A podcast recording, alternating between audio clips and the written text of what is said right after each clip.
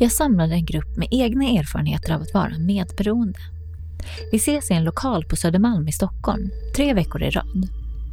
Som studiematerial använder vi boken Bli fri från ditt medberoende, skriven av författaren Melody Beatty. Varje vecka har ett eget tema och den här veckan talar vi om rädsla för närhet. Alla deltagare har arbetat med sina problem ett tag. En del i självhjälpsgrupper eller tolvstegsprogram som de syftar till när de talar om just program. Andra genom terapi. Ingen av deltagarna använder sitt riktiga namn och alla delningar är personliga. Du lyssnar nu på del 3 av 3 i säsong 3. Det här är Medberoendepoddens studiecirkel, sista träffen om rädsla för närhet.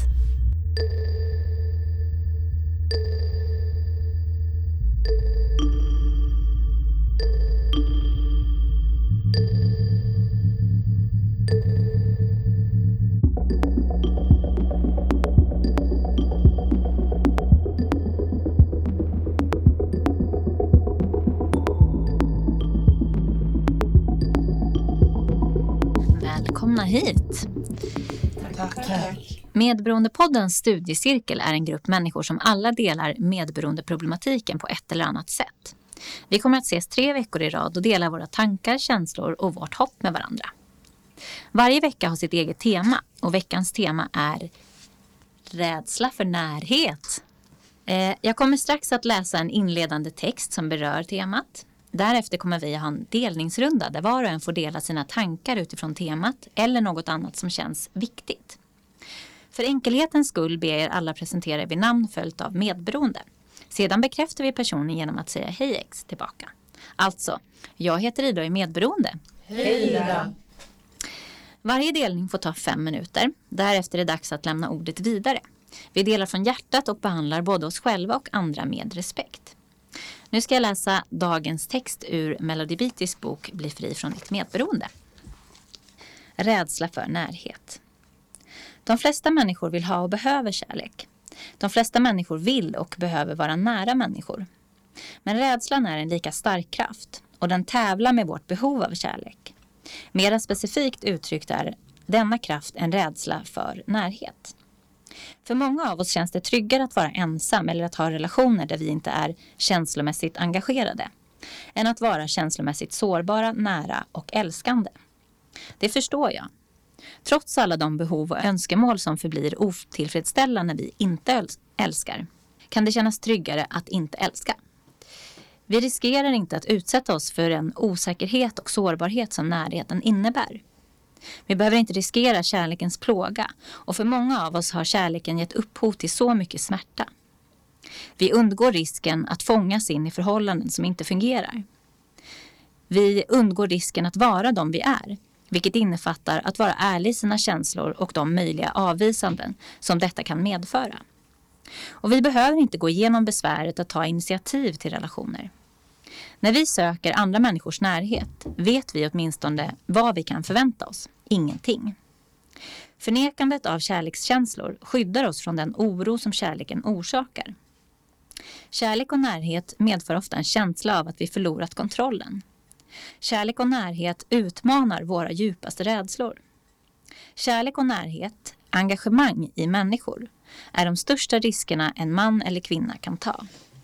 Det kräver ärlighet, spontanitet, sårbarhet, tillit, ansvar, accepterande av sig själv och accepterande av andra.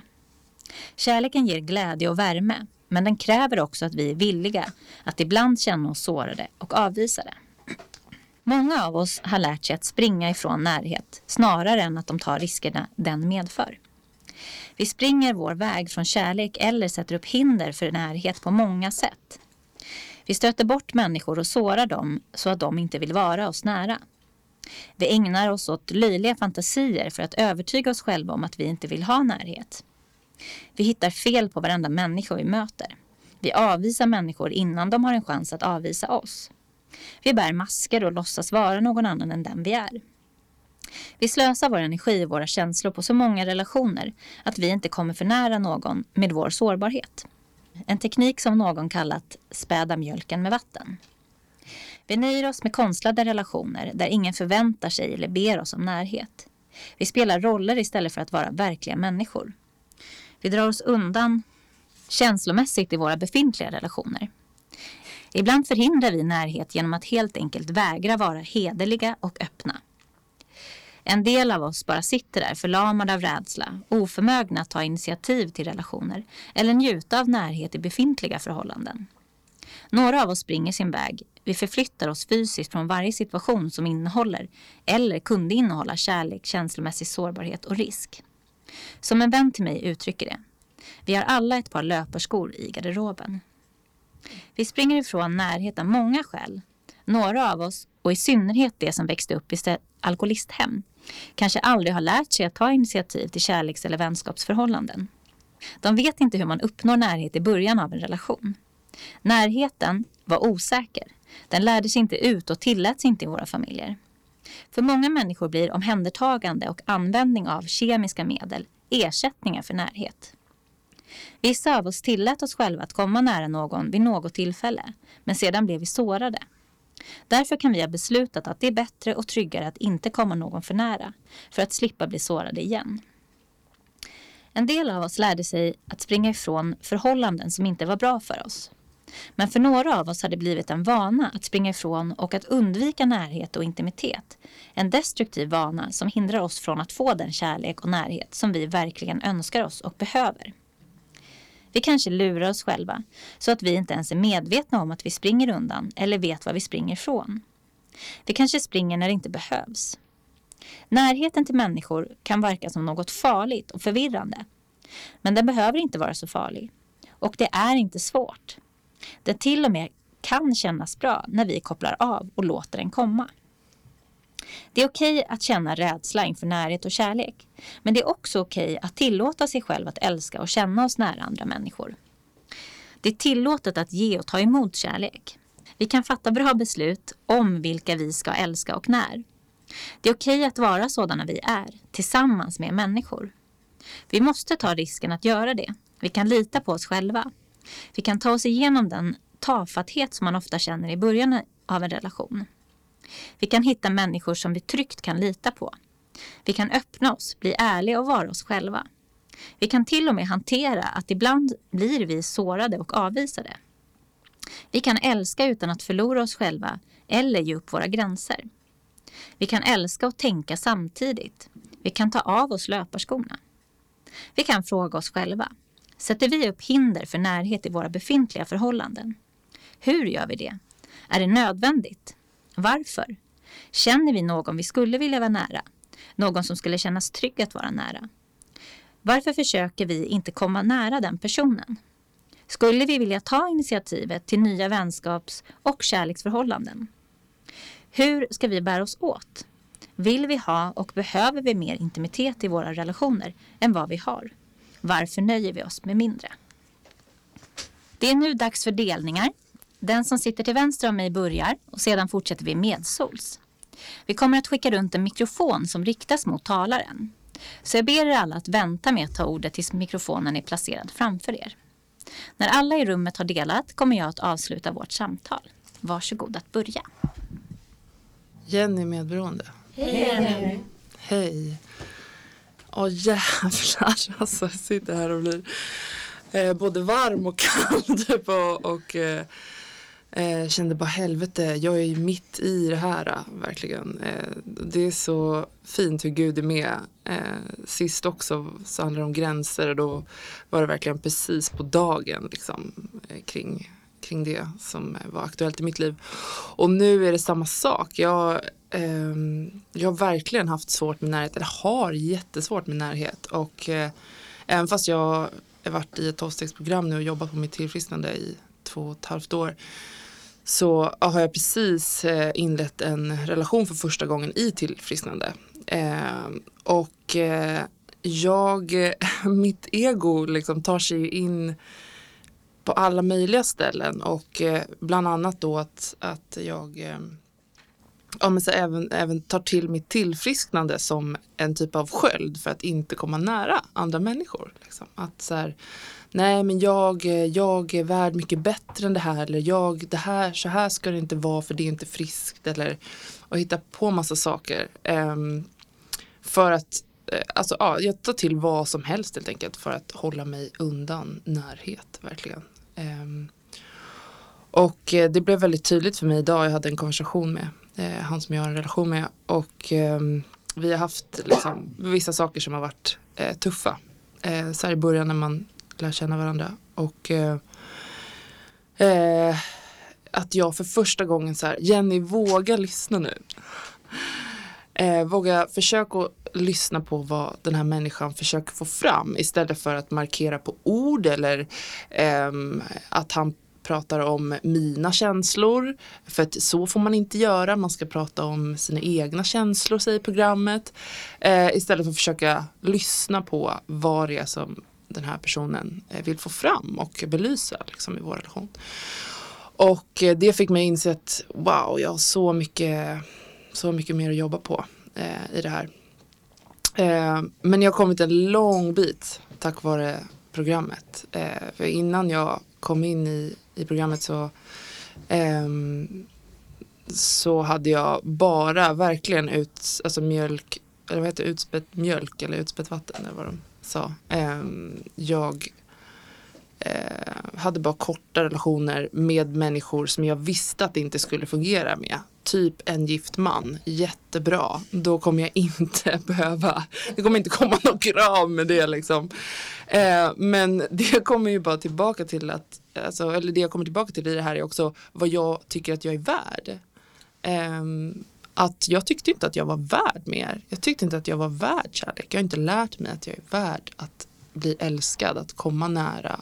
Eh, att den Jenny som jag är med allt klägg som det faktiskt innebär eh, inte är älskvärd. Liksom. Eh, och ju mer jag börjar värdera mig själv desto mer kommer också människor till mig som älskar mig. Eh, och det gäller inte bara kärleksrelation utan alla relationer verkligen. Att det, det är ingen annan än jag som bestämmer hur jag blir behandlad och vilka relationer jag ska ha. Eh, och hur jag ska må och så vidare. Den makten är helt och hållet min egen. Eh, och eh, ja, det, det är skitläskigt att erkänna det. Men det är fantastiskt också. För det betyder ju att jag kan välja att må bra. Och jag kan välja att bli älskad. Sen att jag inte vet exakt hur jag gör det eh, i varje situation. Eh, det är fine. För att så länge jag vet att, att om jag bara försöker att gå framåt så kommer jag komma mer och mer in i ljus, mer och mer in i kärlek. Och det är min, eh, eh, det är min motivation till livet överhuvudtaget idag. Tack vare ja, gemenskapen och programmet.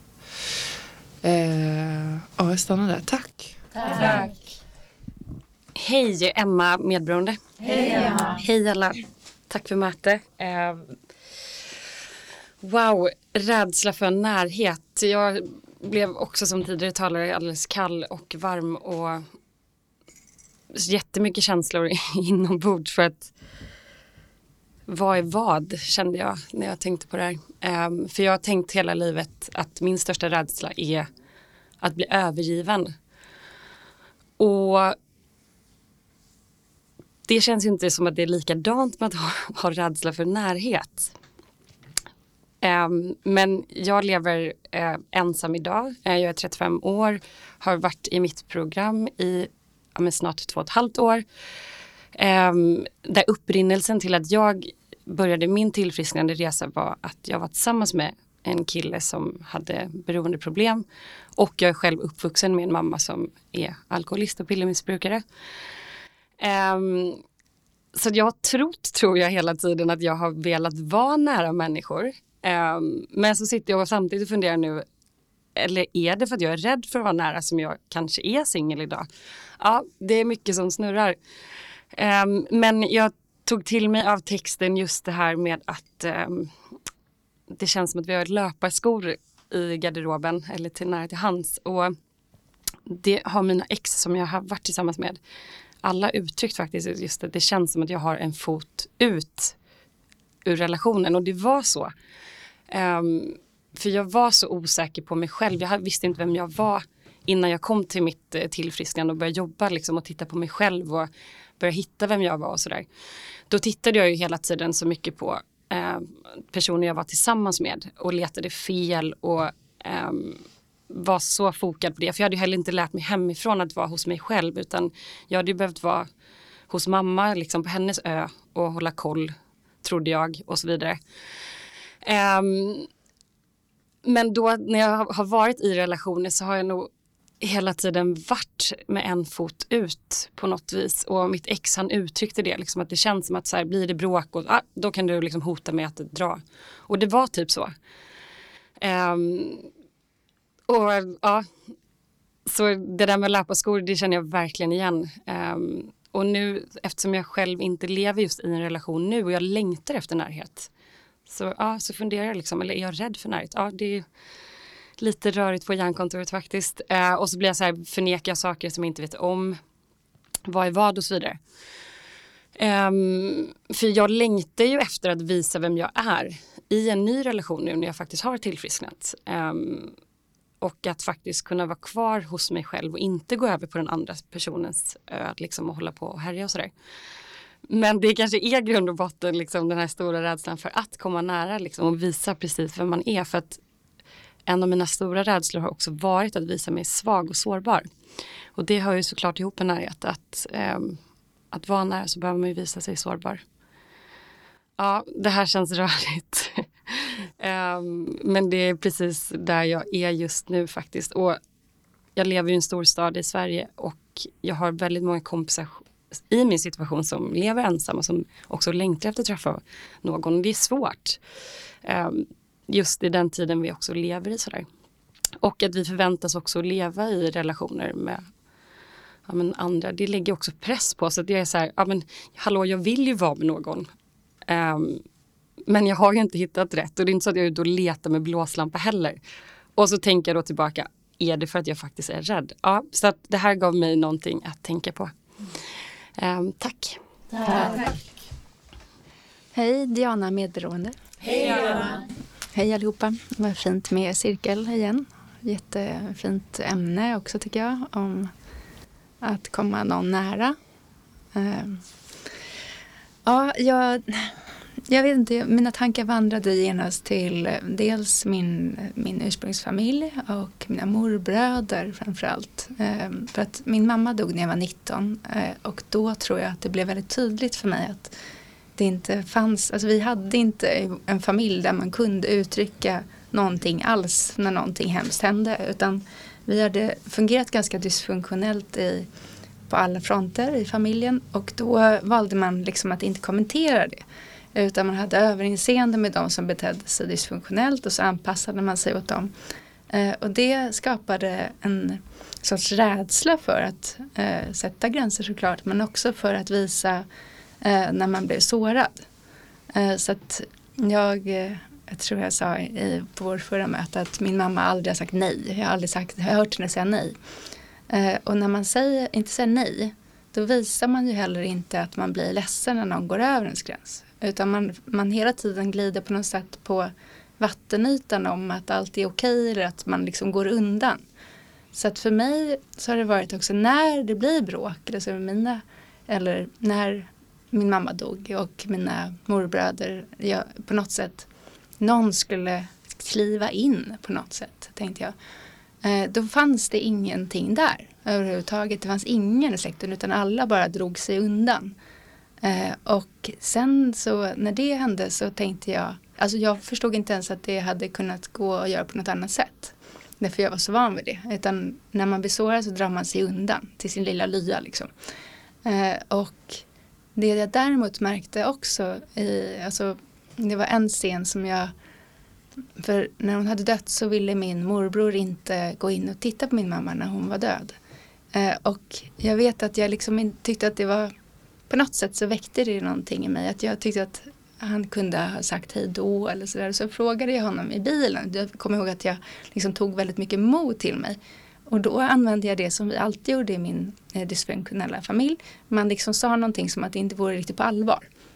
Det är ett typiskt sätt att, att liksom signalera att man inte blir sårad eller att man inte liksom på riktigt bryr sig om om den andra skulle avvisa ens, eh, som ett avvisa ens inbjudan till intimitet. Och då frågade jag honom varför han inte hade velat träffa henne och då sa han, nej men det, det var, det förstår du väl, det, det var ju min lilla syster. Och det var första gången och så grät han i bilen och jag har aldrig sett det förut. Och det, det var så stort för mig. Och sen talade vi aldrig mer om det här, någonsin. Och ingen har någonsin nämnt min mammas namn. Alltså, eh, min morfar han gråter varje gång om man nämner hennes namn. Eh, så han, han, gråter, men han kan inte prata om det. Utan då kommer det bara tårar. Så det finns inget känslomässigt språk för intimitet överhuvudtaget. Eh, och när jag märkte det här då, när, eh, då var jag så ung och jag förstod inte hur medberoende, eller jag visste inte vad medberoende var överhuvudtaget. Eh, då insåg jag också att mina kompisar som jag har samlat på mig, eh, de var på samma sätt som i min familj. Alltså jag har på något sätt hamnat med dem och sen så höll jag lojalt fast i dem i 20 år, men väldigt lång tid. Och då när, när hon gick bort så gick, var det samma sak där men alla mina vänner, vi hade ett väldigt tajt gäng. Men då försvann de också. Eh, och jag förstod att all, alla timmar som vi har pratat med varandra i telefon och sådär så har vi egentligen hela tiden garderat oss. Vi känner varandra utan och innan men vi har liksom varit otroligt rädda för att fråga någon hur den känner i förhållande till att ens pappa kanske sticker iväg med en ung tjej. Eller, alltså vi har hela tiden värnat om att inte låta den andra tappa ansiktet. Alltså det har varit ett av fundamenten i kompisgänget. Utan vi har istället gått ut och festat. Alltså, ja men då går vi ut och dansar liksom. Så har vi dansat jättemycket. Men vi har inte heller i kompisgänget egentligen övat oss på att eh, vara sårbara eller ha intima relationer. Utan då har vi bytt ut det till något intensivt. Eh, och så det här, det här berör mig jättemycket. Sen i förhållandena såklart som jag har varit medberoende i, i mina partnerrelationer så har jag valt personer att ha förhållanden med som har varit väldigt undvikande och som har om jag har eh, tagit upp något ämne så har de eh, alltid kört silent treatment som man säger och försvunnit och avvisat mig och det har gjort mig rädd för att visa sårbarhet. Så då har jag fortsatt med det. Men nu i det här tolvstegsprogrammet som jag går i så har jag fått öva mig på att eh, prata om saker som gör ont. Eh, och sen känna hur obehagligt det är och utmana mig själv. Eh, men det är ovant. Men jag övar och nu är jag inne på mitt andra år och blir bättre och bättre på det här. Ja, tack. Tack. tack. Hej, jag heter Soraya och jag är medberoende. Hej Soraya. Ja, närhet. Ja, det är min absolut största skräck. Eh, den är så fundamental. så att jag, jag, vet inte ens. Eh, jag har svårt att föreställa mig hur det skulle se ut. Men en sak som har blivit bättre i det här tolvstegsprogrammet jag går i eh, är min eh, intimitet med mig själv. Att inte ha ett behov av att alltid vara perfekt eller eh, Jag har också eh, använt eh, stor smärta. När jag har känt det så har jag ehm, blivit väldigt effektiv och intensiv.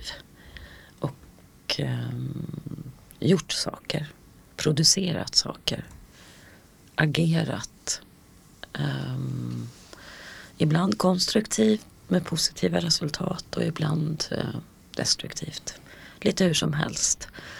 Uh, och just nu är jag inne i en period där jag uh, har en bättre relation med mig själv. En intimare relation med mig själv än vad jag någonsin har haft tidigare. Och det är jätteskrämmande. men det är också väldigt roligt. Eh, jag har också en relation med en man som kämpar med sitt beroende. Eh, med lite olika resultat. Men det som är fint med det är att det finns en pågående närhet. Oavsett eh, hur vår relation för tillfället ser ut. Vi är särbos på grund av det. Men det är också någonting fint att delta i, i den processen. Den är ganska parallell med min egen relation med mig själv. Uh, ja, jag har också tränat på eh, väldigt roliga övningar på sistone. Eh, jag försöker göra någonting som jag kallar för undoing. Eh, för att det, jag upplever att det sitter väldigt mycket i mitt kroppsminne.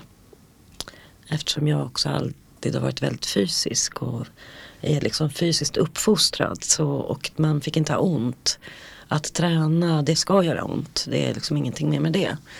Eh, så att hela mitt återtagande av ett bättre varande. Jaget kanske har många olika facetter och det ska nog vara så. Jag tror inte att jaget är en konstant sak utan det är en konstruktion. Som det här, jag sitter i det här kärlet som jag tittar ut ur som heter så här och så här. Men det finns ju någon sida av mig som iakttar det här.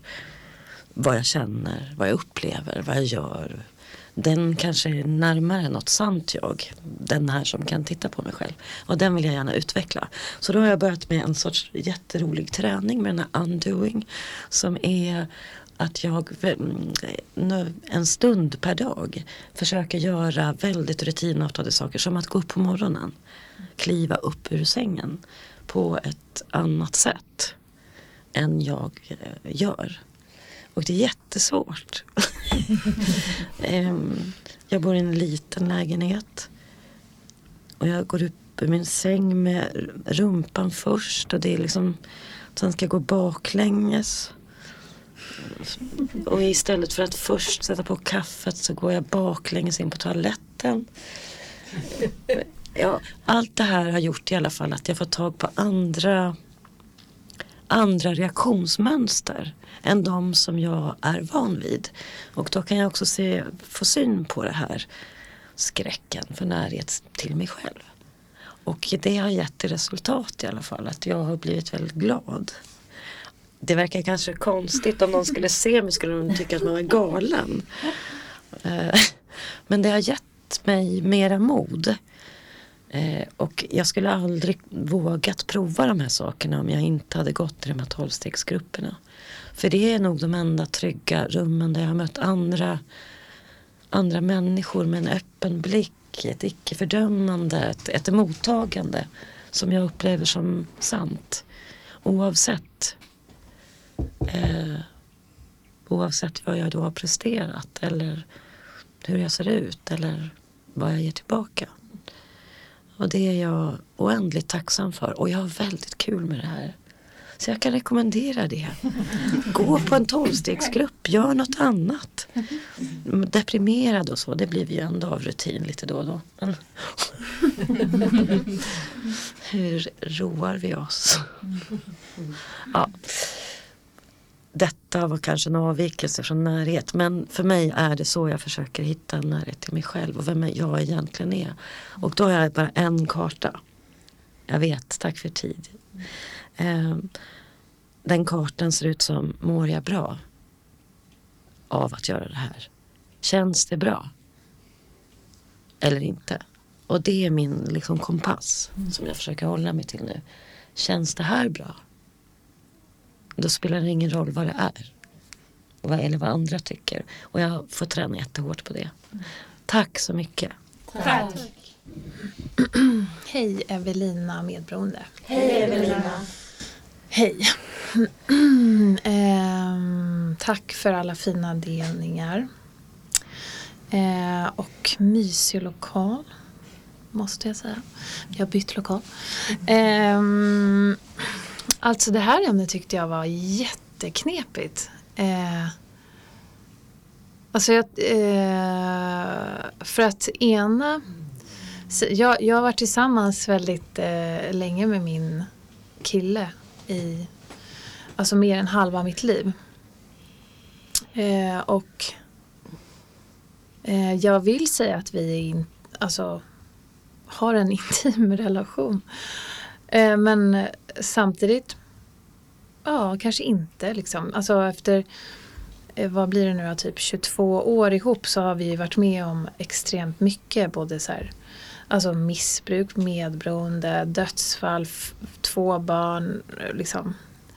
Eh, så att visa mig sårbar för honom känns det som att det är jag verkligen, det har jag gjort. Men det är en sida av eh, myntet.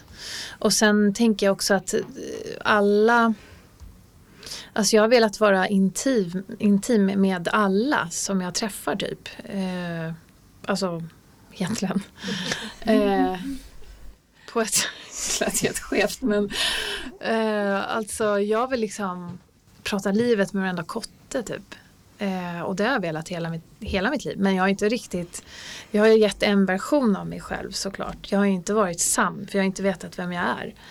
Eh, utan gett en version av vad jag trodde var jag och hur man var intim. Och jag tror fortfarande, jag, jag, det här är ju någon typ av, det var någon som nämnde förnekelse tidigare och det jag är nog i lite förnekelse och jag, jag är fortfarande förvirrad över begreppet. Vad är intim?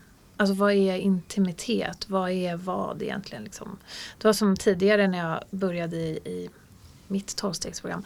Så vi- jag visste inte olika begrepp. Jag kunde inte, till exempel kontroll. Jag fattade inte vad kontroll var. Jag, ehm, rädsla visste jag inte heller. Vad typ om man var rädd för höjder. Liksom. Eller om man var rädd för krig. Typ. Men inte så här rädsla. Alltså jag, det är väldigt mycket. Och nu där, alltså jag har varit med i tolvstegsprogram i jättelänge. Flera, flera år. Och in, in, vad, vad är det ens? Intimitin? Intimitim? alltså, jag vet inte riktigt. Det är svårt. Men så tänkte jag också på eh, min ursprungsfamilj och där har jag ju jättes... Alltså där har vi har ju ingen intimitet. Så är rätt. Alltså vi pratar ju väldigt sällan om hur vi mår och jag släpper in dem på ett... Inte, jag vågar inte alls säga vad jag känner och tycker till dem. Där har jag verkligen en lång bit kvar. Eh, men däremot kan jag träffa helt nya människor och berätta för dem typ hur, alltså visa mig sårbar för dem. Inte alla men en, ganska många. Men jag tror i och för sig när jag tänker efter att jag är ganska lätt på, alltså det jag gör är att jag berättar mina brister för dem. Jag typ berättar så här vad jag är rädd för. Så att jag safear upp. För då vet de att de inte kan kräva vissa saker för nu har jag berättat att jag är rädd. Jag har visat mig sårbar. Men, äh, ah, fan det här är ju jättesnurrigt för mig. Helt klart. Eh, Men det känns också väldigt coolt och fint. Det var någon som nämnde tidigare att det, här var, det var precis här var, det här ämnet var så passande och jag kände tvärtom. Jag bara, det här är helt opassande för jag kände ingenting när texten läses. Jag tänkte bara, jag känner inte igen mig. Vadå putta mig? Alltså nej, jag känner inte igen mig. Så jag, ja, förnekelse AB sitter här. För jag tänkte nej, nej, jag har inga problem med det där. Men det kanske, alltså jag har inte upptäckt dem riktigt. Alltså inte, nej, ja, jag vet inte. Jag får ju göra någon typ av läxa av det här. Fnula lite på begreppet. Vad är vad liksom? För det är också väldigt stort ju. Det har ju massa olika. Och, och, ja. och det här med intim med sig själv. Jag har ingen aning. Ja, kan jag vara det? Jag tror det. Eller? Nej, jag vet inte. Förvirrad alltså. Det tror jag var i förra avsnittet också. Eh, ja. ja, men så kan det ju vara. Men ja, jag jobbar vidare då. Tack. Hej, jag heter Gunnel och jag är medberoende. Hej Gunnel! Hej, eh, tack för tidigare delningar. Eh, jag kände också då som tidigare delare att det här vet jag inte vad jag ska säga om. Ah, Gud vad tråkigt. Åh, vad ska jag säga om det här? Jag vet inte. Jag har, ja, men sen så som det brukar vara på tolvstegsprogram som jag går i så blir man ju, får man ju tidigare delare tänka så får ju det mig att tänka på helt enkelt massa saker och så vad det innebär känslomässig närhet och intimitet. Eh, och då kommer jag att tänka på att jag i min ursprungsfamilj så övergav ju då min pappa oss barn ganska tidigt. Eh, och jag har ju då under hela min uppväxt sökt mig till eh, män som försvinner och män som inte vill ha mig och män som avvisar mig så som riktigt ordentligt gjort det. Eh, och eh, men han kom tillbaka ibland och så försvann han, så kom han tillbaka och försvann han. Det var väldigt ambivalent och väldigt otryggt och väldigt opolitligt. Så det, och sen så, så lever jag då sen 15 år tillbaka med en man när jag lyckats stanna hos honom. Vilket var ju en bedrift. För det har jag ju aldrig gjort. Antingen har jag då eh, Eh, drivit mig själv till vansinne genom att försöka jaga någon som inte vill ha mig eller vara tillsammans med någon som jag inte vill ha för, för att jag är, är rädd, så rädd för att vara ensam. Så det har ju varit jättejobbigt. Men sen så tänker jag på mycket, men jag tänker på min nuvarande relation också, att jag eh, är ju känslomässigt avstängd ibland. Eh, och när jag känner det Eh, då det är som att jag försöker nå min man men så orkar jag liksom inte riktigt eh, ända fram och nå honom och eh, som våga öppna mig och, och, ge kärlek till honom och ta emot kärlek också. Det är som att jag ger upp. Och då eh, kommer jag ju på naturligtvis att det är ju det jag har gjort med min pappa till exempel. Jag har ju jagat honom och sen har jag liksom, det går, jag har gett upp och när jag ger upp på ett dåligt sätt, inte ge upp, kapitulera, jag kan inte göra någonting, utan ge upp. Det finns ingen kärlek för mig. Eh, jag är övergiven, han, ingen älskar mig och eh, den känslan av att ge upp att det är ingen idé att jag ens försöker få någon kärlek av min pappa. För att han försvinner ändå hela tiden. Och det där har jag eh, hållit på med hela mitt liv. Och det är ju väldigt sorgligt, den där känslan av att ja, det är ingen idé. Liksom, jag kan lika gärna sitta här, det är ingen idé att jag gör någonting. Det är ingen idé att jag försöker ens en gång för han går ändå alltid. Men eh, så, så det höll jag på med. Och, eh, men då med min nuvarande man så händer det ju verkligen att jag får syn på det där och hur jag stänger av. Eftersom jag absolut inte vill eh, känna mig avvisad av honom eller visa mig sårbar. Men det händer att vi lyckas nå varandra faktiskt. Och då är det ju så fint. För då eh, får man ju så mycket, får jag och vi ger varandra mycket kärlek och laddning och jag bär med mig den där kärleken som vi har faktiskt mycket. Och det är jag väldigt tacksam för. Eh, att jag lyckades när jag var 46 och träffa någon.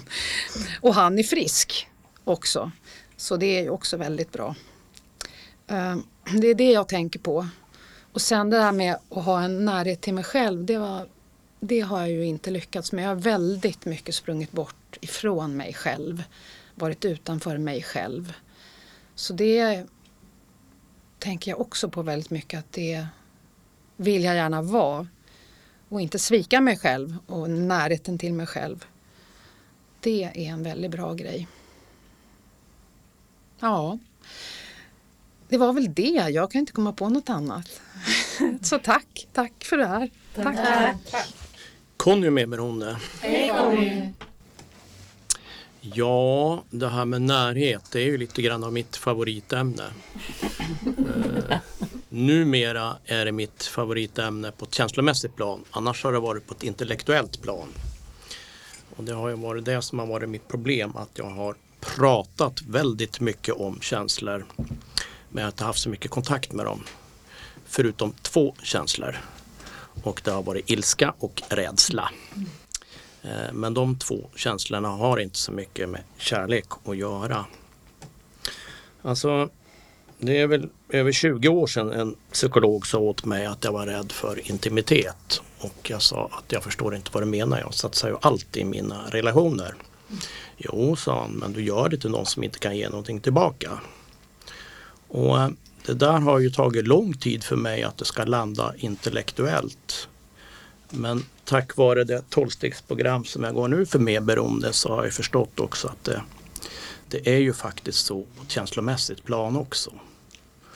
Eh, antingen har jag sökt mig till kvinnor som har haft väldigt stora problem på olika sätt och inte har kunnat gett mig.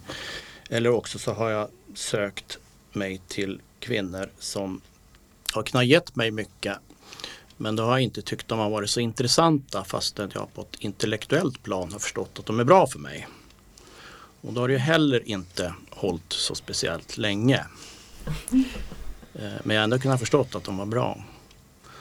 Och, och, någonstans i den här galna familjen som jag växte upp i med mamma som var alkoholist, narkoman och psykiskt sjuk. Och hon också hade ett väldigt manipulerande beteende och har sagt hur många tusen gånger som helst hur mycket hon älskar mig samtidigt som hon har skadat mig på olika sätt och vis väldigt mycket. Så eh, har det blivit att, att, när någon då har sagt något väldigt fint till mig så, så har jag blivit rädd. Det är den första rädslan som kommer och den kommer långt före innan hjärnan slår igång. Trots att min hjärna kan vara väldigt snabb. Och i mina värsta perioder så har jag liksom också tänkt att det, nu är det någonting farligt, det här det är någonting fel, när personen är ute efter att skada mig på något vis och så här. Va? Eh, och det är inte så bra om man ska liksom försöka få ihop någon intimitet. Eh, men tack vare programmet jag går nu så har jag fått jobba med det där på ganska låg basis. Men jag ska inte säga låg ändå för det har varit viktigt för mig. Så att Tidigare när någon sa något fint så vart jag bara rädd och kunde inte alls ta emot det. Sen kom jag i en period där jag liksom kunde säga ja tack men och sen så drog jag någon lång ramsa som liksom tog bort liksom udden av det hela. Idag har jag kommit till ett stadium där jag säger bara tack. Och det kan tyckas lite löjligt de här små sakerna men det är så jag har fått bygga upp mig själv så att säga. Eh, och, och, och växa. Och, och, och, då händer det saker. Det, det har varit på något vis som att det har varit en lucka som har varit stängd i mig till kärleken. Eh, både till mig själv och till andra och den luckan börjar öppnas nu. Eh, när jag börjar tycka bättre om mig själv, får bättre självkänsla eh, och, och, och, kan ta emot och ge kärlek. För jag har också tänkt när det gäller att ge kärlek att det är ingen mening att säga någonting bra därför den personen tycker att det är ingenting värt för det kommer ju från mig och jag är ju värdelös. Eh, men när jag vågar bryta det mönstret och säga fina saker till folk och faktiskt märker att när, när jag säger saker ärligt så, så tar faktiskt de allra flesta emot det. Och, och de som inte tar emot det så har jag ändå lärt mig i, i det här programmet att jag har ändå gett något fint. Att de inte tar emot det, det är inte mitt problem, det är deras problem. Jag har ändå gett något fint istället för att börja slå på mig själv. Liksom. Så, så får jag kontakt med den känslan idag och, och det gör livet helt annorlunda. Eh, så det är mycket som har hänt just på det känslomässiga planet. Eh, och just det här att, att jag liksom också har, när jag har pratat om jobbiga saker eh, som väldigt jobbiga saker så har jag försökt skämta bort det. Eh, ironisera, sagt helgalna saker och, och, folk har skrattat åt mig och jag har vunnit poänger över det så att säga. Men jag har ju inte varit mig själv på ett känslomässigt plan. Många gånger så tror jag att jag har blivit jag blev arg när jag egentligen ska bli ledsen. Och när jag egentligen ska bli glad så har jag blivit misstänksam. Och, och då blir det lite kaotiskt i, i, i, mitt känsloliv. Men jag känner att nu börjar jag få rätt sida för det där. Tack för tid. Så att nu kan jag bli glad när jag ska bli glad. Och, och ja, då händer det stora saker. I det lilla. Ja, stanna där. Tack. Tack. Hej Doris medberoende. Hej Doris. Hej allihopa. Fint att lyssna på er. Eh, alla fina delningar. Eh, tacksam för att vara här. Eh, jättejobbigt ämne tycker jag.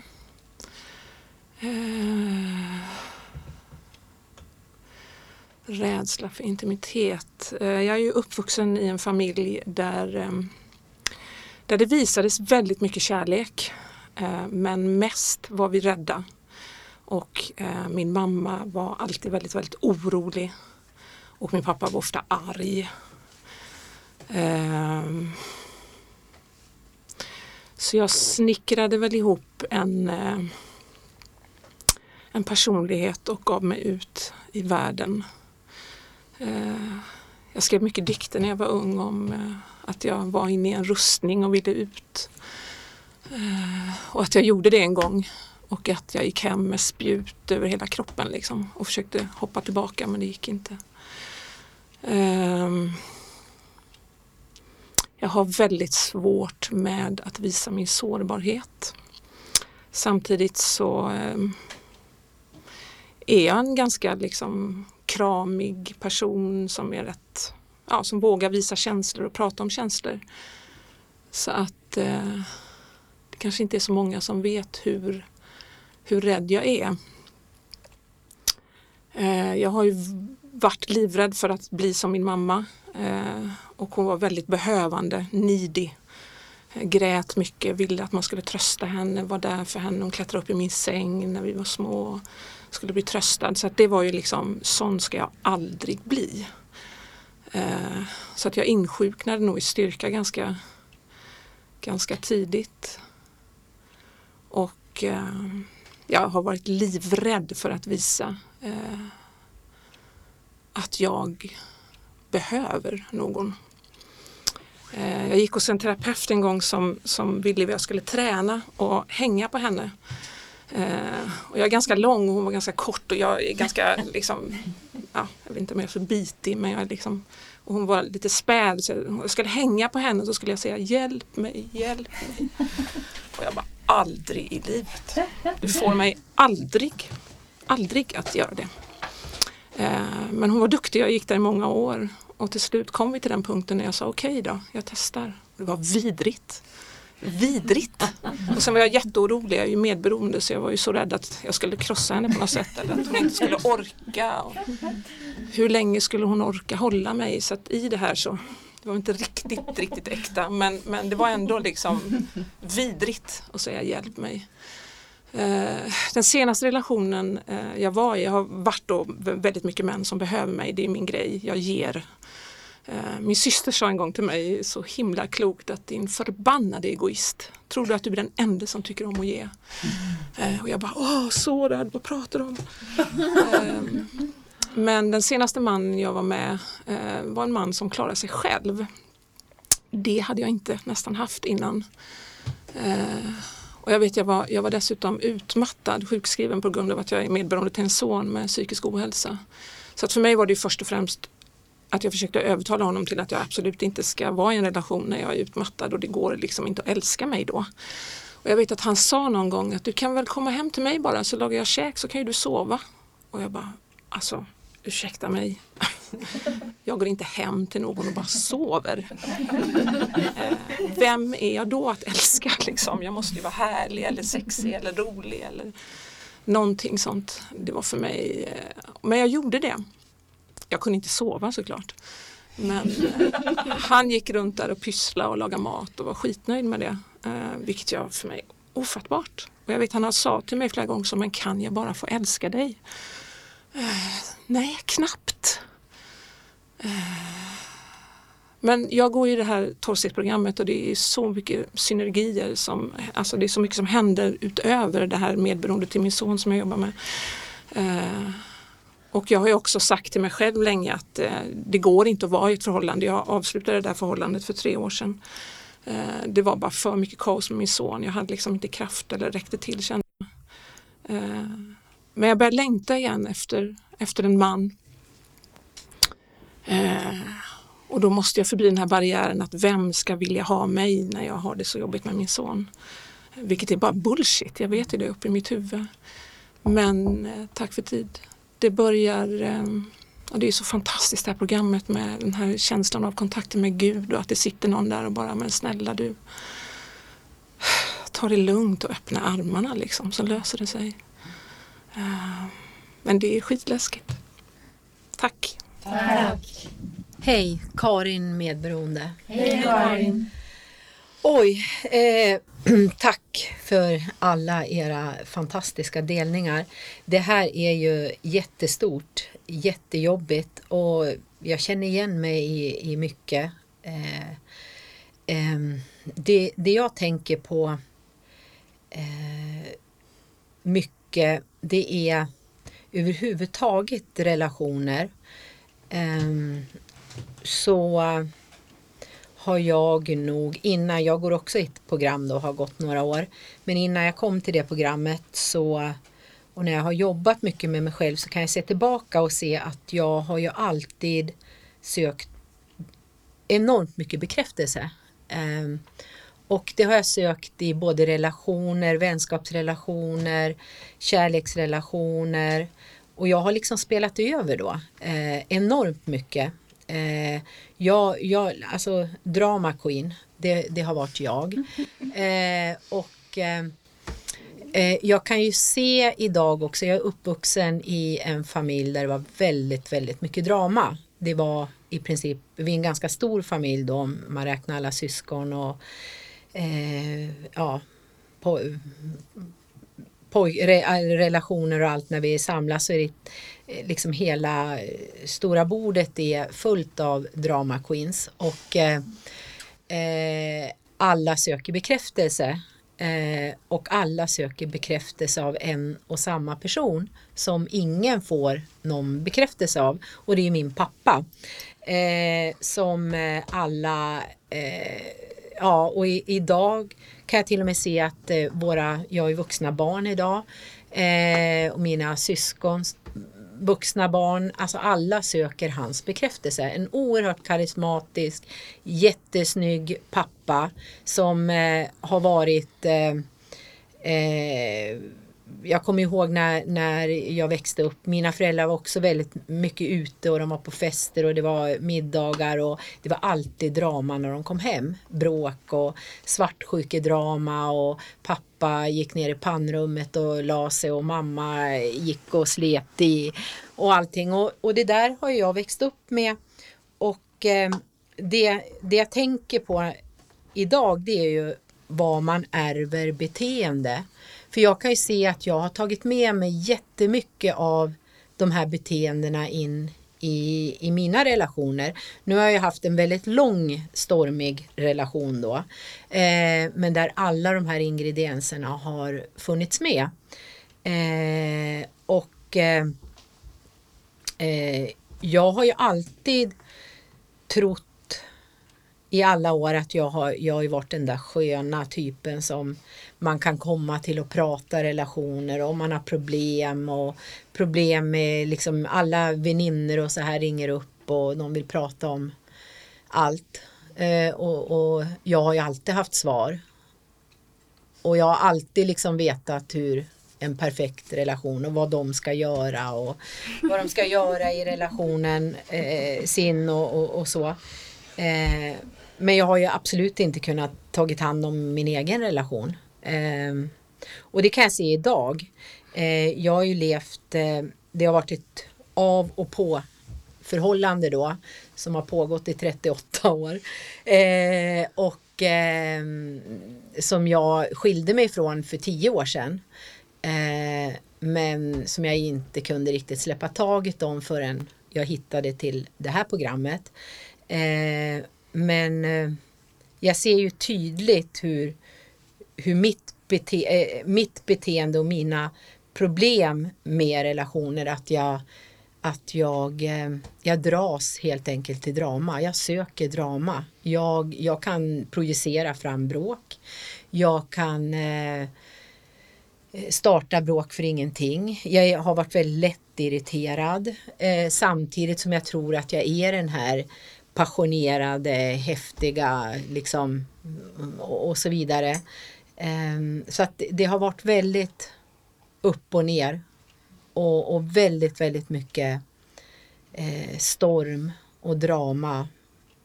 Det, jag, jag kommer ju från Jämtland, det har varit liksom rena fjällvindarna många gånger eh, kring mig.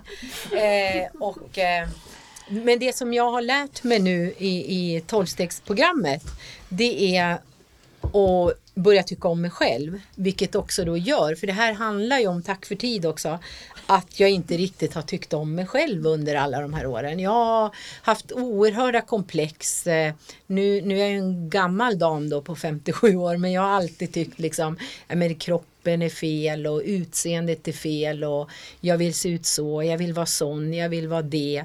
Eh, och eh, eh, vilket också jag menar det, det är ju en, ett, ett, slags hävdelsebehov och idag känner jag att jag inte behöver det. Jag, jag tycker om mig själv. Jag tycker om eh, hur jag ser ut idag och hur jag är och jag behöver liksom inte spela. Jag behöver inte vara någon annan utan jag duger precis som jag är och då känner jag också att det blir mycket lättare i, i jag har fått en mycket mycket bättre relation till min ja, relation då till eh, barnens pappa idag som också är i tillfrisknande då. Men eh, ja, det är häftigt det här med intimitet och relationer. Tack! Tack!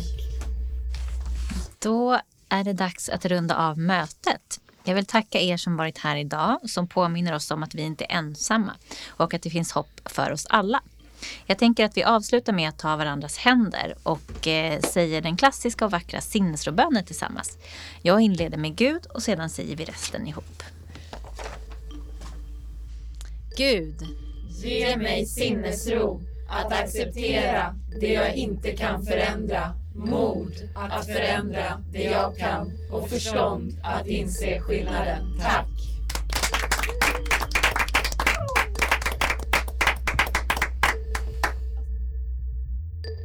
Du har nu lyssnat på den sista delen i tredje säsongen av Medberoendepodden studiecirkel. Känner du igen dig i någonting och vill veta mer om medberoende samt var du kan vända dig? Då kan du gå in på vår hemsida www.medberoendepodden.se. Glöm inte att följa oss i sociala medier. Där heter vi Medberoendepodden. Och nu finns det även en Facebookgrupp som kallas för Medberoendepoddens vänner där du kan ta kontakt med andra som befinner sig i liknande situation.